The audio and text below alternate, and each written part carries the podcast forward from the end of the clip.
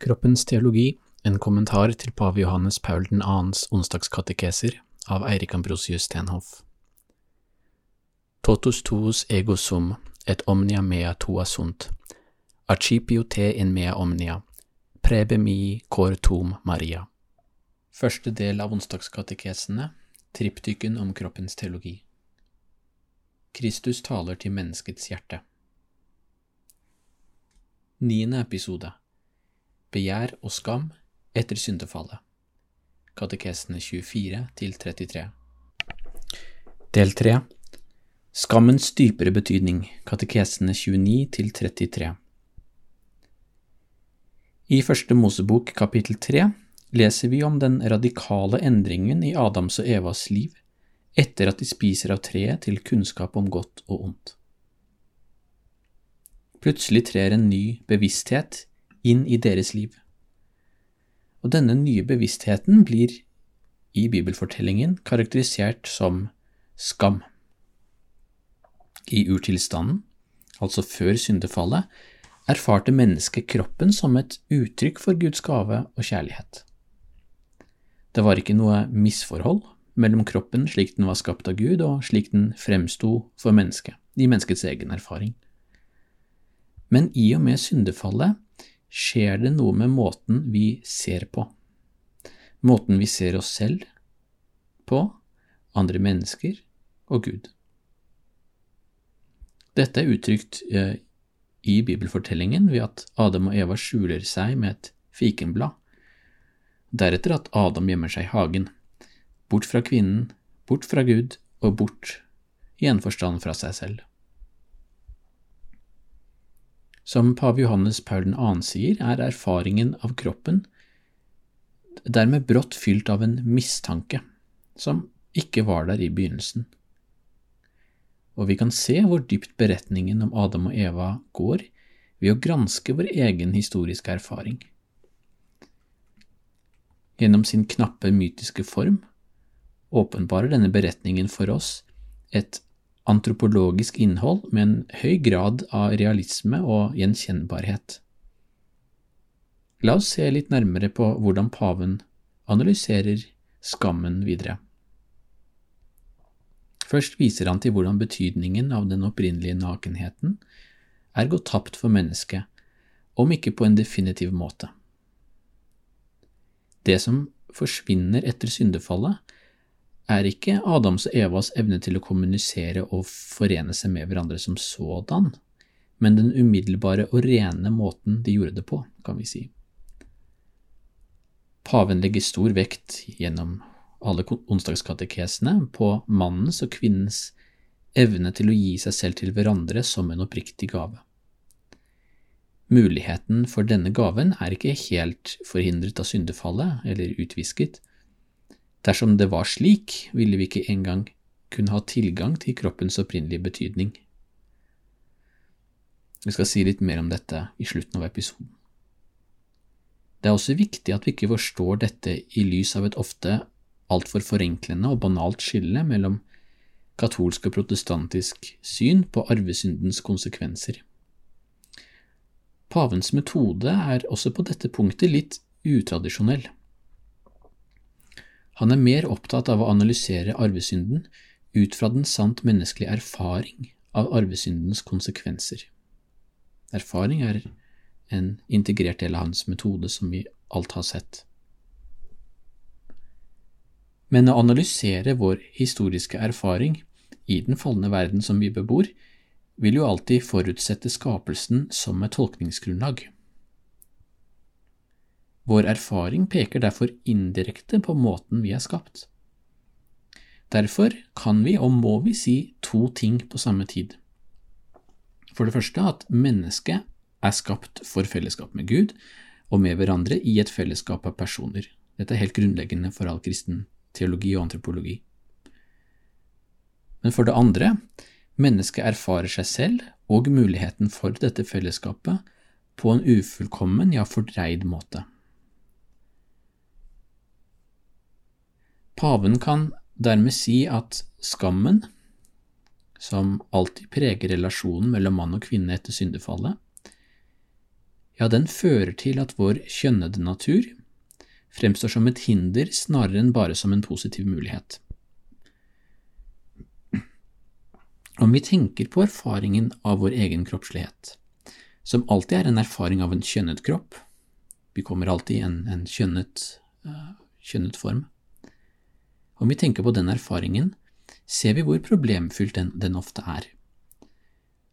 Og her må vi igjen understreke at vi ikke først og fremst snakker om vårt psykologiske forhold til vår egen kropp, og ikke bare et forhold til vår e-, egen biologi eller ytre form.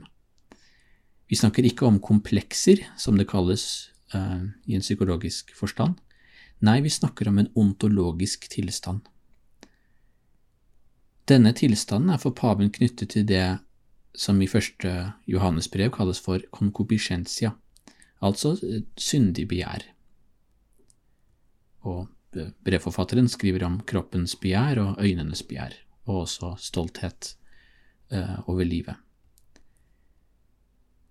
Nå, begjæret er, som vi så i forrige del av episoden, både immanent og relativt, som paven sier. Det har, en, har et immanent aspekt og et relativt aspekt.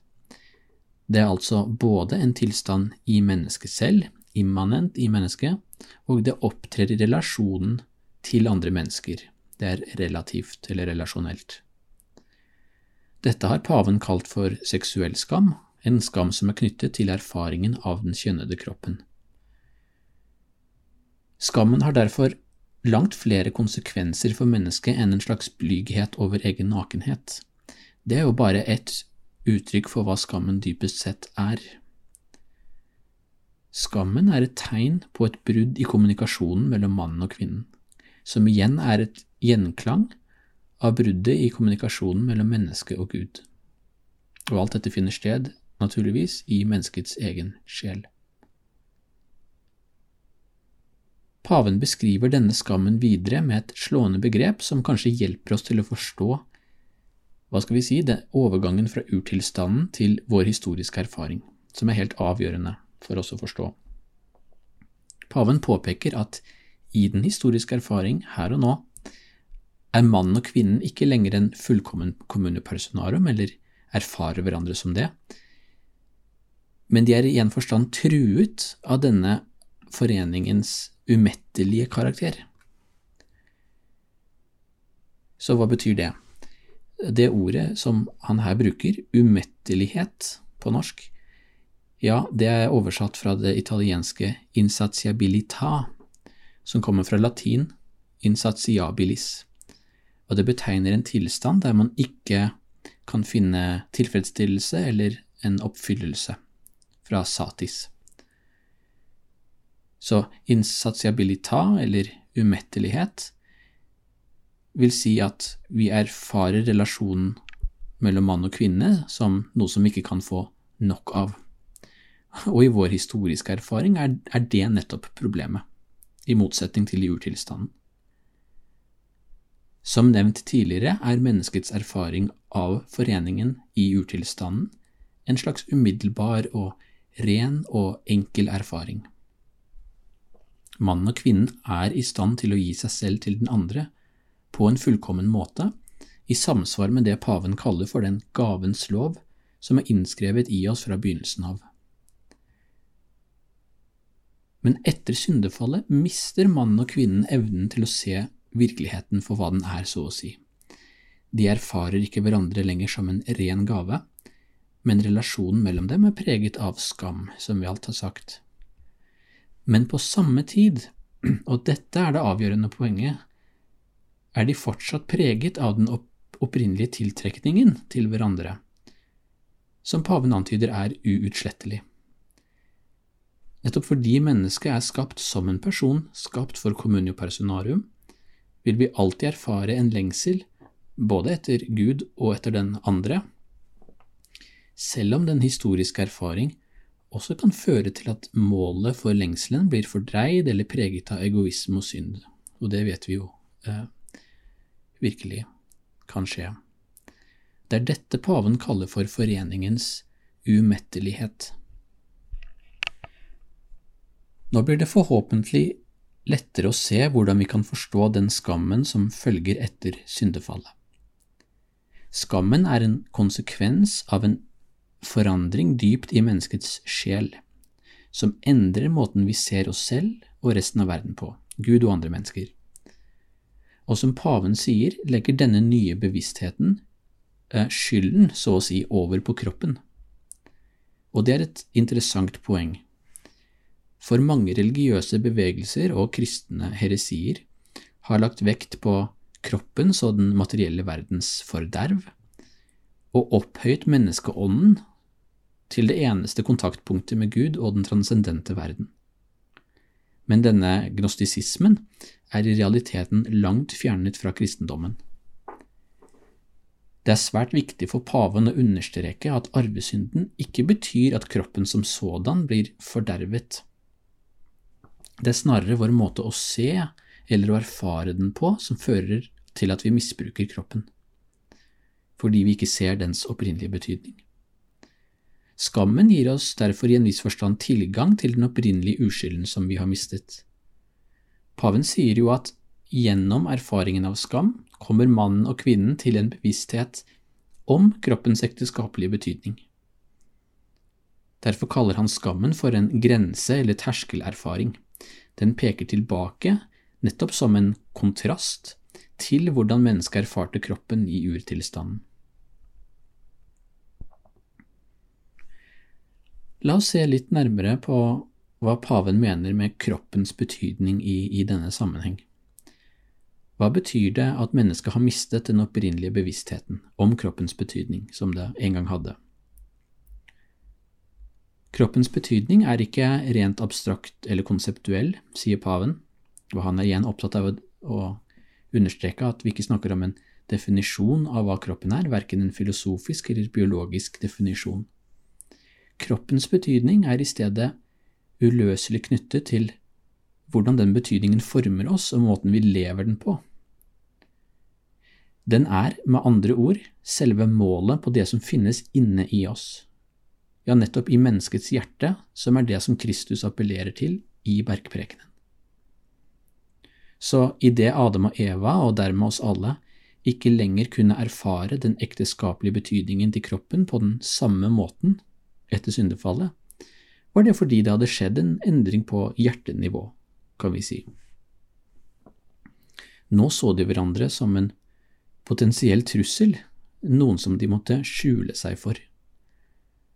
Og ikke noe av dette har endret på det faktum at de er skapt for hverandre til en genuin menneskelig forening. Men denne foreningen er, som vi vet, full av farer, og hele kulturhistorien er jo i en forstand bygget på erfaringen av, av begjær og hvordan vi skal komme til rette med våre lengsler.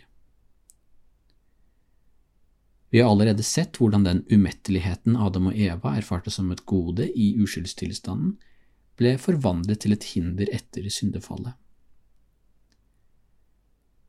Derfor sier at paven at sitat, menneskekroppen, i dens maskulinitet og femininitet, nesten har mistet evnen til å uttrykke den kjærligheten hvorved den menneskelige person blir en gave, i samsvar med dens dypeste struktur og formålet med hans eller hennes, hennes personlige eksistens. Sitat slutt. Paven ber oss legge merke til adverbet nesten her, italiensk quasi, fordi evnen til å uttrykke kjærlighet og gi seg selv som gave har fortsatt å prege oss og prege våre hjerter. Ja, kroppens ekteskapelige betydning har ikke blitt helt kvalt av begjæret, men truet, sier paven. Hjertet har altså blitt en slagmark mellom kjærlighet og begjær, som han sier. Vi bør ikke ha mistillit til hjertet, sier paven, men vi må bevare kontrollen over det. Nøkkelen ligger nettopp i dette å faktisk ha tillit til det hjertet opprinnelig ville si oss. Begjæret går løs på menneskets evne til å gi seg selv som gave, som er, som vi har sett flere ganger, selve menneskets vilkår fra skapelsen av og dets formål her i verden. Begjæret gjør menneskekroppen til noe mindre enn hva den faktisk er, Begjæret reduserer dens mening og gjør den andre personen til et objekt til egen avbenyttelse. Dette står i motsetning til sann kjærlighet, som alltid må være en oppriktig gave, i samsvar med gavens lov. Paven har sagt at vi må bevare kontrollen over hjertet, men han sier her at det også i en forstand er umulig å ha en fullstendig kontroll over hjertet. Nettopp fordi begjæret er noe immanent, det er noe som er i oss, og det er ikke noe vi kan utslette ved vår menneskelige kraft. Dette betyr at vi har mistet den gavens frihet som mennesket i urtilstanden var i besittelse av.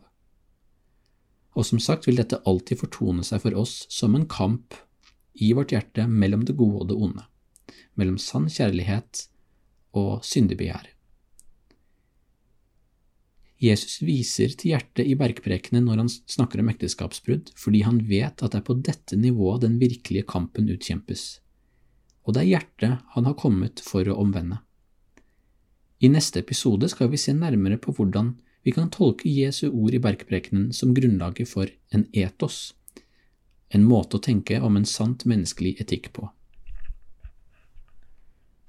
Gloria patri et filio et spiritui sancto, sicut erat in principio et nunc et semper, et in saecula saeculorum. Amen.